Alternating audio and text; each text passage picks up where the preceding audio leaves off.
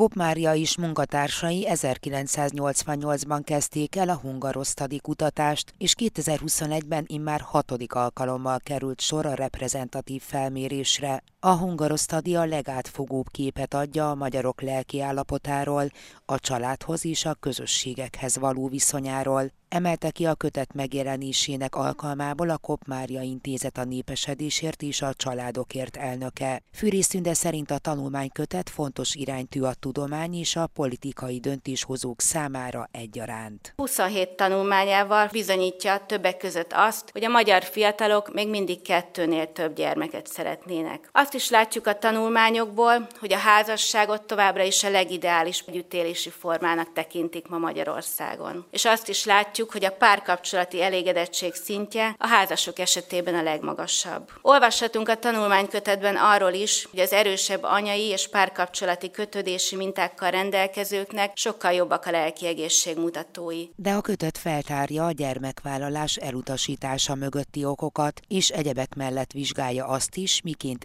értékelik a magyarok a családtámogatási formákat, tette hozzá.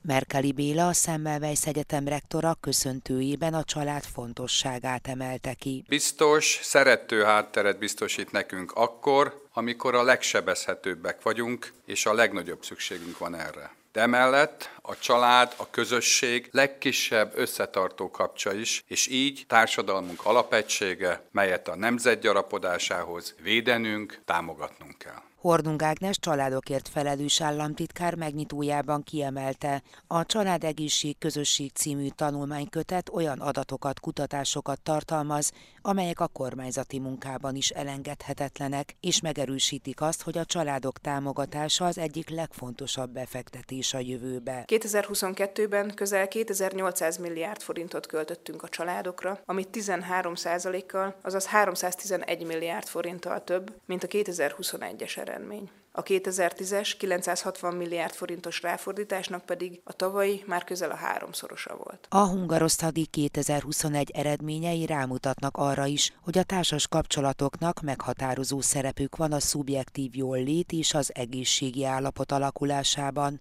Újdonságnak számít ugyanakkor az, hogy a korábbihoz képest mára lazábbá vált az összefüggés a vallásosság és a lelki egészségmutatók között.